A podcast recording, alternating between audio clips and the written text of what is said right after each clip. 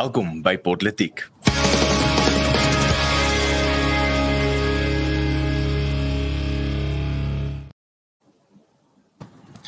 Goeiemiddag, ek is Erns van Sail en saam met my atolie is Louis Boshoff, Arno Rood en Sharday Moster. Julle het ons nou 'n tydjie laas gesien, maar ons programme is nogal besig hier aan Afriforum en daar aan Arno se kant in die regs wêreld. Maar vandag se episode het ons 'n klomp goed om te ontnonsens vele van die groot stories wat mense aan die gons het. Eersteen is 'n uh, Wes-Kaapse referendum gekeer, Afriforum patrolleer en skuldvlakke al meer. Daar's dalk nog 'n paar stories daar tussenin wat nie in die titel is nie. Maar uh, kom ons begin deur hierdie week se politiek te ontnonsens by die storie van die Wes-Kaapse referendum wat gekeer is. Uh, Louis, dit is dink nou as 'n storie wat mense definitief op die video voor gaan klik, maar uh hoekom dink jy is dit gee vir ons bietjie meer inligting daar? Ja, dankie Ernst. Uh, daar is eintlik nogal heelwat gebeure aangekoppel, maar dit kom kortliks daarop neer. 'n uh, groep van Wes-Kaapse onafhanklikheidspartye het 'n paar weke gelede 'n uh, brief met 'n petisie en 'n ultimatum aan die Wes-Kaapse premier Ellen Windy gestuur die uh, petisie is geteken deur meer as 30000 mense en daarin het hulle geëis dat daar 'n referendum gehou moet word vir Wes-Kaap se onafhanklikheid op verkiesingsdag 2024. Nou hulle steun uh, daardie voorstel uh, deur 'n peiling wat deur uh, onafhanklikheidsgroepe gedoen is of of deur 'n onafhanklike navorser namens die onafhanklikheidsgroepe wat bevind het dat 68% van Wes-Kaapse inwoners ten gunste is van die hou van 'n referendum oor Wes-Kaapse onafhanklikheid en hulle wys ook hoe die steun vir Wes-Kaapse onafhanklikheid gegroei het in die afgelope paar jaar. Nou Ellen Windy het toe gewag tot die dag van die ultimatum met daai brief en het toe geantwoord dat hy nie 'n referendum gaan uitroep nie en uh, het gesê hy sien die Wes-Kaapse toekoms as deel van Suid-Afrika. Nou die Cape Independence Advocacy Group, uh, oftewel die CIAG het toe uh, dadelik daarop geantwoord en gesê hulle is nie verbaas daardeur nie, maar was gereed daarop en hulle gaan binnekort uh, verdere planne bekend maak en uh, so daar is 'n media konferensie vir môre geskeduleer uh, waarin hulle hulle planne gaan verduidelik, maar uh, toe het ons vandag reeds gesien die bekendstelling van 'n webblad vir 'n nuwe referendum party, 'n nuwe politieke party getiteld die Referendum Party en die daar's 'n sterk vermoede dat dit die uh, nuwe planne is van die Kaapse onafhanklikheidsgroepe. So die gedagte daar agter, soos ek dit verstaan, is basies uh, daar's 'n sterk verwagting van hulle kant af dat in die 2024 verkiesing die DA se meerderheid in die Wes-Kaap nie so groot sal wees nie en dat hulle dan genoodsaak gaan wees om 'n koalisie te moet vorm met die Vryheidsfront Plus en die referendumparty wat albei dan ten gunste van 'n referendum sal wees en dan sal een van die voorwaardes wees dat 'n uh, Kaapse referendum of 'n referendum oor Kaapse onafhanklikheid gehou sal moet word. Ehm um, ja, so ek dink ek sal daarso stop en julle 'n bietjie kans gee om in te val met julle gedagtes daaroor. Ja, uh, ek wil eers sê heel eerste my kommentaar is daai laaste deeltjie van die storie is vir my veral interessant dat hierdie nuwe party nou uh op die toneel verskyn want wat my dit interessant maak is dat dit is jy sit nogal baie van jou geld op die tafel. Dit is nie net sommer van ehm um, subjektief hoeveel ondersteuning jy het nie. Die volgende verkiesing gaan dan baie objektief vir jou kan wys hoeveel ondersteuning jy het. So ek dink wat dit eerstens wys is selfvertroue in jou saak, maar dan tweedens as dit misluk, gaan dit vir jou gaan dit katastrofies wees. So dit is 'n groot risiko wat uh, hierdie groep mense neem. Uh maar as hulle suksesvol is, kan dit 'n uh, ongelooflike groot oorwinning wees, maar dit gaan alles afhang oor hoe goed hulle hulle idees versprei, hoe goed hulle hulle party bemark en uh, op die ou end hoe die Wes-Kaapse bewoners voel oor 'n referendum en dit gaan 'n baie interessante verkiesing dan wees om dop te hou net vir daai klein indikasie van hoeveel mense gaan vir hierdie party stem. Dit uh soos ek sê, baie dapper ding om te doen. Wat dit ook wat dit ook nogal laat uitstaan is die feit dat daar is, soos jy nou genoem het, 'n ander party, die VF+ wat ook na al gepraat het oor Kaapse onafhanklikheid en groeiende autonomie vir die Kaap en al die daai tipe sake wat nou nie presies dieselfde is nie, maar dieselfde kamp van kwessies val min of meer. En dit gaan interessant wees om dan daai twee partye se steun in die volgende verkiesing te sien. Wat ek wel wat dit laastens wil by sê is dat dis nie net die ANC wat glo in die balance of forces of die die balans van magte nie. Die DA, net soos die ANC, hou heeltyd dop waar die balans van magte rondom hulle lê en as die die wind begin draai in 'n ander rigting sal hulle noodwendig dalk moet reageer of die wind, hoe sterk die wind gaan draai in 'n onafhanklikheidsreferendum se rigting, sal ons sien in die in die maande wat voorlê, veral nou in die aanloop tot die volgende verkiesing. Maar dit gaan vir ons 'n baie baie goeie daai party, hoeveel mense vir hulle stem, gaan 'n baie goeie windkous wees uh wat die die windrigting betref as dit kom by sentiment rondom uh Kaapse onafhanklikheid. So ek gaan dit ek gaan dit so dophou met een oog, maar uh in, in Engels wil jy sê it's all up for grabs. Ons gaan nou sien wat uh wat hierdie fos inhou. Dit soos ek sê, groot risiko, maar uh ek hou daarvan om uh, met mense met dapper dapper idees, ehm um, dit kan of 'n uh, groot uh dividend vir jou uh onthul of dit kan uh jou nogal 'n groot ehm um, uh struikelblok in jou pad wees. So kom ons kyk. Ek ek hou nogal aandagtig dop wat hier aan die gang is. Ja, ek dink van my kant af uh daar's ons daar's 'n paar items wat ek graag sou wil uitlig en en eerstens is dit dat hierdie is half my my stokperdjie liefde. Um Kaapse onafhanklikheid is iets waarin ek baie groot belangstelling het en en regtige 'n idee en beginsel wat wat ek verlief is, maar maar voordat ons luisteraars uh weghardloop met die idee dat hierso is groot goed en groot balle wat aan die rol is op die oomblik, is dit belangrik om 'n paar goed te onthou. Eerstens is die feit dat um dit dit is waar die die uh, premier van die Wes-Kaap volgens hulle grondwet gee vir om uh, of het die reg um, het die gesag om 'n referendum te roep. Ehm um, wat kommerwekkend vir my daarin is is uiteraard daardie referendums nie nie bindend nie. Dit is in in wese eintlik maar net 'n uh, 'n baie gesofistikeerde meningspeiling en en ek dink dis belangrik dat mense dit onthou is dat op die ou ende bly die gesag weer met die premier om te besluit wat met die resultaat van daardie referendum gaan gebeur dit gesê, dink ek dit is krities om te verstaan en hierdie is so vir my my die hart van van hierdie gesprek op die oomblik. As ek dink die die demokratiese alliansie is bang om daardie referendum te roep want of hy bindend is of nie is eintlik irrelevant uh, vir vir hulle perspektief want wat gaan gebeur daarso waarskynlik as ons die meningpeilings glo wat ons tot op hede gesien het is dat 'n meerderheid van hulle kiesers spesifiek en en potensieel 'n meerderheid van Wes-Kaapse inwoners wel pro groter selfstandigheid en selfafstigting um sou wees.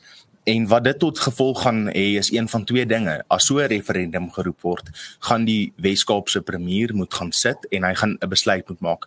Gaan ek wat my mense wil hê en wat die beste is vir my mense hier in die Wes-Kaap najaag en vir hulle gee? En of ga, of die stappe neem om dit 'n uh, uh, groter realiteit te maak en of gaan ek dit wat vir my party die beste is uh, boven alles plaas en najag. Want die realiteit is as die DA hulle knie gaan buig vir Wes-Kaapse onafhanklikheid of groter autonomie uh, in in die vorm wat spesifiek um, kyk dit najag dan is dit potensiële politieke selfmoord in die res van die land. Dit is waarom Windy na my mening so groot klem daarop lê dat hy die toekoms van die Wes-Kaap as deel van die groter Suid-Afrika sien en ehm um, hoekom hulle so skrikkerig is om hierdie ding met al twee hande aan te vat want hy gaan maak nie saak hoe mense daarna kyk nie hy gaan vir die DA in die agterend byt. Ja, dankie Ernst soos jy hulle uh, jy soos jy en Arno praat, uh, staan net nog klomp gedagtes wat na vore in my kop kom. So ek gaan dit probeer kort hou, maar uh eerstens net dat uh die die leier van die Cape Independence Advocacy Group uh, beweer dat John Steenhuisen die DA partyleier in 2021 aan hom uh, plegtige onderneming gemaak het dat die DA 'n referendum sal uitroep in die Wes-Kaap en 'n deel van hulle veldtog is nou gebaseer daarop dat die DA van dingetjie verander het of nie getrou bly aan daardie onderneming nie. Nou ehm um, of dit waar is of nie kan ehm um, sal ek nie verder weet nie, maar ten minste weet ons daar is al hier en daar binne die DA ook geluide gewees dat daar mense in die DA is wat hierin belangstel. En ehm um, dan wat die referendumpartye aanbetref, uh, soos ek dit verstaan, is die gedagte dat die Vryheidsfront moet bietjie konservatiewe kiesers wegrokkel van die DA af en die referendumparty bietjie liberale kiesers wegrokkel en so is die idee dat ehm um, hulle dan gedwing gaan word in 'n koalisie in. Maar ehm um, daar is ook twee redes hoekom die onafhanklikheidsgroepe nou redelik onder druk voel om 'n uh, referendum spoedig uitgeroep te kry. Een daarvan is dat die Wes-Kaapse demografie geleidelik besig is om te verander en alhoewel dit nie gegiet is in staal nie, is die uh huidige tendens dat swart kiesers minder ten gunste is van Kaapse onafhanklikheid en dit is die die bevolkingsgroep wat die meeste groei in die Wes-Kaapse demografie. En die ander rede is dat uh, in die huidige internasionale konteks uh, lyk die Wes-Kaap meer belyn met die Weste en die res van die land of die ANC regering ten minste belyn al meer uh, met die Ooste of die anti-Westerse groepe. En uh, op die manier wil die Wes-Kaapse onafhanklikheidsgroepe dit benut om in die internasionale oog Wes-Kaapse onafhanklikheid 'n uh, positiewe blik te gee maar ek dink om op te som net uh ongeag of 'n referendum gebeur en wat die uitslag van 'n referendum is, uh moet ons ons beywer vir groeiende autonomie van kleinstreke vir afwenteling van magte, dit sê deur federalisme deur ehm um, ankerdorpe of watter strategie ook al. Maar om dit dan af te sluit, ehm um, dink ek erns jy het uh, wil vir ons meer vertel oor Afriforum se massa patrollie die afgelope naweek uh, wat uh, uiteraard 'n groot sukses was. Vertel vir ons asseblief meer daarvan. Hmm. So ja, die massa patrollie het regoor Suid-Afrika en alle provinsies gebeur, die Wes-Kaap ook. En uh wat behels het is Afriforum se 169 buurt en plaaswagte het Vrydag aand en dis nou die 13de Oktober kragte saamgesnoer en altesaam 77000 km gepatrolleer tydens vanjaar se derde nasionale massa patrollie. Die aksie vorm deel van AfriForum se nasionale veiligheidsstrategie waar volgens vrywilligers in die organisasie se veiligheidsstrukture verantwoordelikheid neem vir veiligheid in hul eie gemeenskappe. Tydens Vrydag aand se patrollies het hierdie strukture op 145 afsonderlike insidente gereageer en uh, die wederheid van Afriforum se Pretoria gebaseerde buurtwagte het op patrollies by die Voortrekker Monument suidwes van die stad afgeskop en die monument was vir die duur van die naweek groen verlig om uh, hoop uit te beeld en om die slagoffers van plaasmoorde te gedenk. Nou uh, dis die dis die storie, uh, maar ek uh, uh, Charlie, as ek reg onthou, jy was daar. Jy het gesien hoe die monument nou mooi uh, groen verlig was en jy het bietjie gesien hier die opkoms van mense daar. Wat was die gevoel? Oh, dit was um ongelooflik geweest. Ek wil net graag noem dat dit briljant is vir 'n minderheidsgroep met wat het Charlie Stron gesê, ek dink 44 Afrikaners um om 77000 km te te kon patrolleer in 14 ure. Um en nog iets om te noem is hierdie vrywilligers doen dit absoluut uit hulle eie onkoste uit, hulle eie voertuie word gebruik, hulle eie brandstof word uitgery om weet hulle self en hulle gemeenskappe te beskerm en dit is 'n ongelooflike gevoel. Mens kan nie 'n uh, eh, geldwaarde op so iets sit nie. Hmm. En dan uh, ja, ek dink ander iets anders om daar by te las is jy het nou juist klem gelê op ehm um, die feit dat daar uh, dis vrywilligers is die die mense verdien nie inkomste uit nie. Hulle is eintlik bereid om hulle lewens op die lyn te plaas uh spesifiek om hulle gemeenskappe veiliger te hou. 'n Baie mooi voorbeeld uh vir soveel uh gemeenskappe daar buite dat dit is die manier om dit te doen. Ehm um, Arno, ek sien jy uh jy wil iets bylas. Ja, ek net so 'n vinnige opmerking. Ek ek dink dis regtig vir my lekker om goed soos hierdie te sien. Uh dit maak my baie opgewonde om te sien veral uit uit 'n vrywilliger perspektief af hoe mense opoffer uit hulle eie tyd, hulle eie geld en hulpbronne om om hulle gemeenskap te gaan dien. En hierdie is werklik hulle dien die wye gemeenskap. Hulle dis nie net vir Afriforum lede wat hulle patrolleer ook tot 'n groot sin nie. Dis almal wat in die gemeenskap bly wat wat baat vind hmm. daaruit tot 'n groot mate. En ek wil hierdie maar net koppel tot tot 'n ander instansie wat ek dink naby aan ons almal en en sekerlik meeste van ons luisteraars se harte ook lê en dit is maar die gemeente en ek dink ons sien so groot voorbeeld van hoe me, vrywilligers en gemeentes hulle hand ook opsteek en deel van die van die aanbiddingspan of uh, by die deur staan en mense groet of die nagmaalkeltjies of beker voorberei afhangend van waar jy nou vandaan kom of stoele uitpak en en dit is wat wat gemeentes baie keer weer sterk maak is daardie spasie waar die mense saamkom en hand opsteek. En ek dink dit is so noodsaaklik dat daardie element so diep ingeweef is in in ons gemeenskap en in ons kultuur ook en dis lekker om met geleenthede soos hierdie te sien waar ons op groot massa dit aan die een kant kan vier maar reg ook die aksie voortsit en inspireer en ehm um, ja ek ek uh, dis maar net lekker om te sien.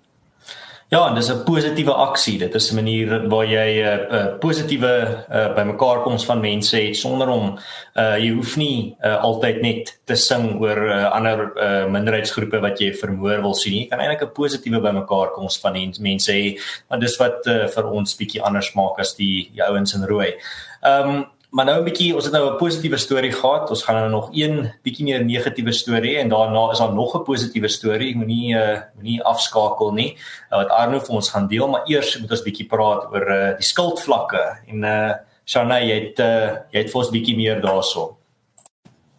Ja, dankie Erns. Um so Suid-Afrika is sterk op pad na 'n skuldspiraal aangesien die groei van regering uitgawes, die groei van inkomste oorheers. Die spiraal forceer die regering om addisionele skuld uit te neem om hierdie groeiende tekort teen te staan. Nou die die ironie is dat die onhoudende nuwe skuld die regering al hoe meer in hierdie spiraal laat verdrink. Die nasionale tesourier het gewys dat die regering se begroting aansienlik verbreek het in Augustus en September in vergelyking met laas jaar se statistieke. Dit word uitgewys dat die begroting met meer as 9.2% verhoog het vanaf laas jaar hierdie begroting hou natuurlik net aan groei aangesien die regering se uitgawes vinniger groei as slaggate op die oomblik en um, ons almal weet hoe vinnig geslaggat opduik na 'n goeie reën. So ja, vers, uh, verskeie ekonome het ook gewaarsku dat die land se groei van skuld kommerwekkend is aangesien die land geen sterk ekonomiese groei tans ervaar nie. Um vir my is die kern van die probleem dat die regering moet besef dat die ekonomiese groei van die land vir ver te lank te stadig gegroei het. Um president, president Cyril Ramaphosa se reaksie was natuurlik een gewees wat dui dat die land genoeg geld het en dat die tesourier oordryf met hulle waarskuwings, um maar statistiek kan ongelukkig nie lieg nie. So finansies, geld en skuld is alles verwant aan 'n struktuur wat die vloei van oorgrenskapitaal vorm. Die skuldspiraal waarin die land alself bevind, het 'n groter impak op die onmiddellike internasionale politieke en uh, ekonomie. Die randgeldeenheid is reeds 'n onderwaardeerde sagte geldeenheid wat invoere en uitvoere ontmoedig. Dit affekteer natuurlik direk Suid-Afrika se inflasie en lewensstandaard. 'n manier hoe die ekonomie kan groei is vir privaat beleggings om hulle rol terug te neem in die land se sake. Uh privatisering is die enigste oplossing. Sodoende kan die randgeldeenheid sy harde waarde terugneem.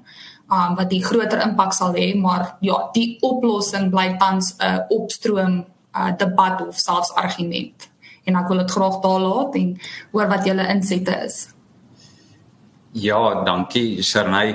Ek dink uh, die ANC soos enige ideologiese party wil nie feite in die pad van hulle ideologie laat staan nie. En uh so sien mense nou dat uh tesame met die skuldvlakke en die begrotingstekorte wat styg so soveel meer ehm um, staatsinisiatiewe sien ons van die ANC se kant af soveel meer bedrywe wil hulle in effek nasionaliseer wat gesondheid dan betref wat onder uh, onderwys dan betref wat ehm um, hulle hou vas op die energie sektor ook aan betref. En ehm um, ek dink die die minister van gesondheid is nou bietjie in 'n benarde posisie want hy het vroeër uh, erken daar is 'n uh, begrotingstekort of daar is nie genoeg uh, belastinginkomste nie en het uh, besnoeiings voorgestel en toe is daar duidelik weerstand van uit sy party gewees en ehm um, toe is sy laaste uitlatings weer gewees. Daar sal net matige besnoeiings wees in die volgende begrotingstoespraak en ehm um, is so mens vermoed maar dat hy uh, vrees vir sy pos dat uh, hy moontlik verwyder sal word as minister indien hy uh, ernstige besnoeiings in plek kry en teen die ANC se ideologie ingaan, maar as hy sit met die begroting dan besef hy dit is die rigting wat ingeslaan moet word. Uh so dit is maar my opsomming van daai situasie, Maar ernstig sien jy wil nog iets byvoeg? Ja, ek dink ehm um, al wat ek wou wou byvoeg daar uh, is die die feit dat ag Henry Kissinger het gesê uh, deficits don't matter en nou 'n klomp mense praat te gebruik net daai aanhaling as jy kyk na Amerika se se skuld wat ook die Amerikaanse regering se skuldvlakke skiet deur die dak. Ek dink is nou iets elke paar maande kom maar 'n nuwe triljoen amper by.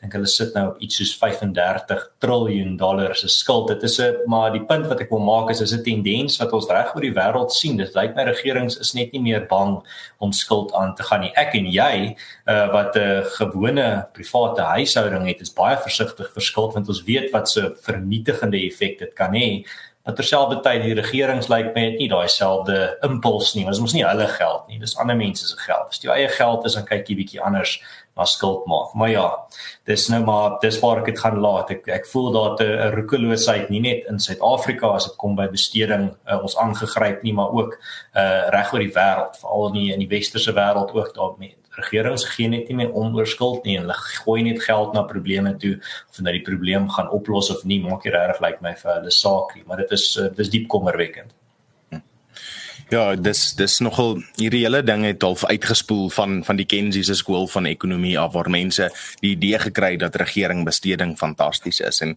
en goed vir ekonomie is en en dit kan wees. Moet my nie verkeerd verstaan daarso nie. Ek dink wanneer regerings hierdie goed reg bestuur en wanneer daar werklike infrastruktuur en vooruitsigtelike goederes bestee word, dan kan die effekte wat hierdie die Kenzie ekonome oorspook kan tot effek kom.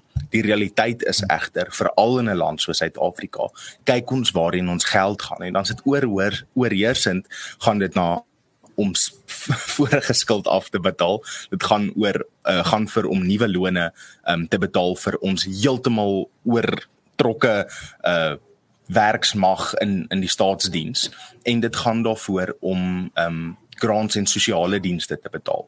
En nie een van daardie elemente kan werklik die die scenario aanvul waar hierdie vooruitstrewende besteding is in die sin wat uiteindelik die die ehm um, nasionale produk tot so 'n mate gaan lig dat dit positiewe impak gemaak nie. Ons gooi water in 'n of geld in 'n rivier in en dit spoel eenvoudig hierdie geld afstroom ehm um, al die pad na na eintlik wat op die ouende maar privaat besighede is wat hierdie geld weer buiteland toe vat.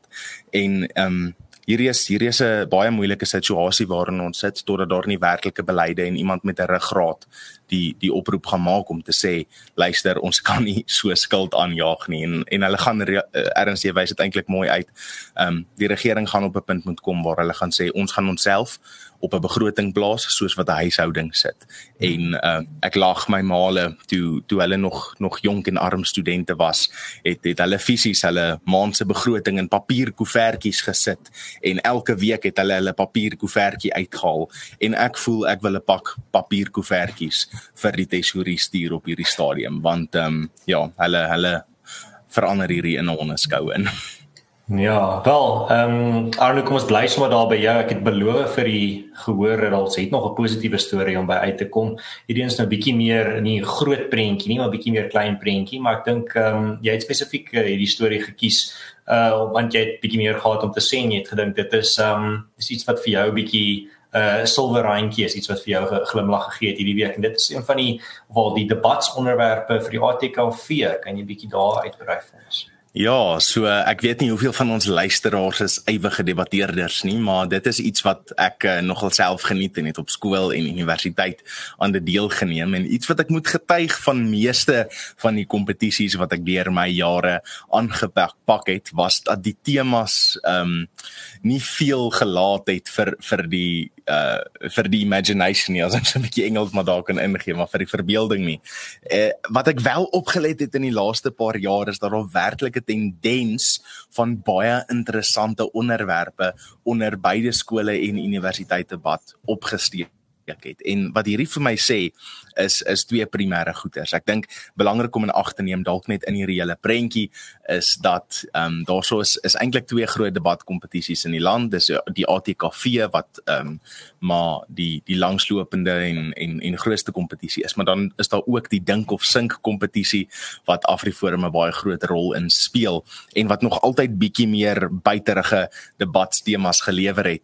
En ons sien nou in die laaste paar jaar veral met die ATKV hoe hulle ook meer neig na hierdie hierdie tipe debatstemas toe wat wat werklik iemand met iets laat om om aan te kou. En ek wil net so 'n paar van die laaste paar jaar noem um, So ons het in in 2020 het ons die onttrekking van multinasjonale maatskappye aan Suid-Afrika behoort die land tot voordeel te trek. Ons het in uh, 22 het ons pleksnaamsveranderinge bevorder versoening in Suid-Afrika. Verseker iets wat ek dink met William Nicol um, nou weer tot die lig gekom het. Um, dan het ons in hierdie jaar het ons Suid-Afrika behoort 'n nuwe kiesstelsel te kry en mees onlangs en ek dink my gunsteling debat tema tot dusver het ons gekry selfdoen aksie bevorder demokrasie in Suid-Afrika. En en hier is die kern van van wat ek hier wil wegvat. Is ek dink die impak van die gesprekke wat platforms soos politiek, ehm um, die mense by AfriForum, ehm um, die dink of sink debatsorganisasie dag en dag dag en nag deurdryf, syfer uiteindelik deel deur tot organisasies soos die ATKV wat nog altyd baie versigtig is om kontroversiële goeters aan te vat en hulle sit hierdie op die voorhand van die die debatte wat gevoer gaan word. En wat my die meeste opgewonde maak hierin en ek sê hierdie as iemand wat debat afrig by skole ook kan ek sien hoe wanneer 'n 'n 'n hoërskoolkind hulle tande insink in onderwerpe soos hierdie en hulle werklik aan al twee kante van hierdie onderwerp moet werk uh, of die moet deurwerk. Daar iets 'n skakel in hulle brein afgaan wat hulle kritiese denkers maak soos min anders kan doen. En ek sien die spanne wat wat deur ons hande gaan by by die skole waar ons afrig die laaste tyd hoe hoe wanneer hulle wegtreë uit debatte soos hierdie ehm um, hulle werklik 'n 'n 'n verandering ingaan en insien hoe hoe hierdie moeilike gesprekke um, gevoer moet word en werklik met 'n honger en 'n nuuskierigheid voortvuur wat ek dink 'n baie positiewe lig vir ehm um, die toekoms van van die beweging en en vir almal van ons hierso uh nog gaan insien. Hmm. Ja Arno, jy het nou so verwys na die die dink of sink debat kompetisie wat die ATKV beïnvloed of die onderwerpe in die een kompetisie wat die ander beïnvloed, maar uh, ek dink uh, meer as dit nog die uh die gebeure in die openbare ruimte buite die debatmilieu beïnvloed ook uiteraard wat die uh debatonderwerpe sal wees wat ons sien. En ehm um, ek dink ons ons kan dit vat as positiewe nuus. Dis uh waarskynlik juis omdat daar meer selfdoen aksies in die land begin plaasvind het in die afgelope paar jaar dat dit nou na vore tree as 'n debatonderwerp ook in 'n gewilde debatkompetisie maar uh, ek ek dink verder ons moet net in gedagte hou dis nou al, al spesifiek Afrikaanse debat kompetisies waarna ons verwys en ehm um, die die groei en deelname daarin uh, is op sigself vir my positief dat uh, ons besef hoe belangrik dit is vir Afrikaanssprekendes om hulle in die openbare debat te kan handhaaf en uh soveel meer uh, um uh, van uh, van ons of van die wat aan debatkompetisies deelgeneem het op skool en universiteit is dan aangemoedig om uh hulle stem te laat geld in die openbaar um na hulle skool en universiteit verlaat het. Hmm. Reg, nee ek um, ek dink veral altyd van julle ek stem saam dat die selfs al is dit net op 'n skole debat vlak, die feit dat hierdie tipe onderwerpe enigsins eers deel van die tydsgees word in hierdie vorm is 'n ongelooflike positiewe ontwikkeling. Ek en ek uh, verwelkom dit heeltemal. Voor ons afsluit en voor ons tot sien sê, ehm um, ek weet daar is natuurlik 'n groot leemte in vandag se episode in die internasionale nuus ehm um, seksie. Ek weet uh, daar's 'n groot konflik besig om te woed daar uh, in Israel tussen uh, die tussen Hamas en die Israeliese weermag en die Israeliese regering. En dit sal eintlik 'n uh, absolute onreg wees om daardie komplekse konflik in ons idees op te som in 'n 5 minuut segment wat ons nog met tussen 4 mense opdeel 1 minuut vir elkeen se gedagtes. Dis nou 'n uitdaging vir uh, een van die mees komplekse ehm um, konflikte op die aardbol tans. So ek dink uh, vir vandag se vir die doeleindes van tyd en vir die doeleindes van om nie net sommer 'n klomp goed uit jou duim uit te suig nie, ehm um, gaan ons nou nie 'n groot analise doen van wat daar aangaan nie, maar ek wil wel 'n voorstel maak as jy geïnteresseerd is in hierdie onderwerp en die geskiedenis daarvan. Ehm um, ek het nou onlangs 'n potsending reeks klaar geluister wat ongelooflik insiggewend was en dit is die um, Matermade podcast, so jy spel dit M A R T A R M A D E en uh daai podcast se eerste 3 episode gaan spesifiek oor die Israel Palestina konflik en is 'n baie deeglik nagevorsde uh podcast. Dit is nogal lank, so jy gaan in stukkies moet luister, maar dit is regtig goed gedoen. Ehm um, die episode se naam is Fear and Loathing in the New Jerusalem part 1 en dan part 2 en part 3. En dit gee vir jou regtig 'n deeglike uitkyk op die geskiedenis van daardie streek uh, in die wêreld. Ek het so baie geleer, goed dat ek glad nie geweet het nie. En ek dink dis die naaste wat ek nog ooit aan 'n uh, uh, naaste genoeg aan 'n objektiewe uh blik op daai geskiedenis gekry het deur iemand wat nie 'n lid is van enige van daai twee uh verskillende partye wat daarso beklei nie. So ek sal dit voorstel as jy enigsins geïnteresseerd is in hierdie onderwerp. Ek dink dit is definitief iets wat uh, 'n paar ure se potsending nodig het eerder as net 'n 5 minuut segment op 'n nuusanalise potsending.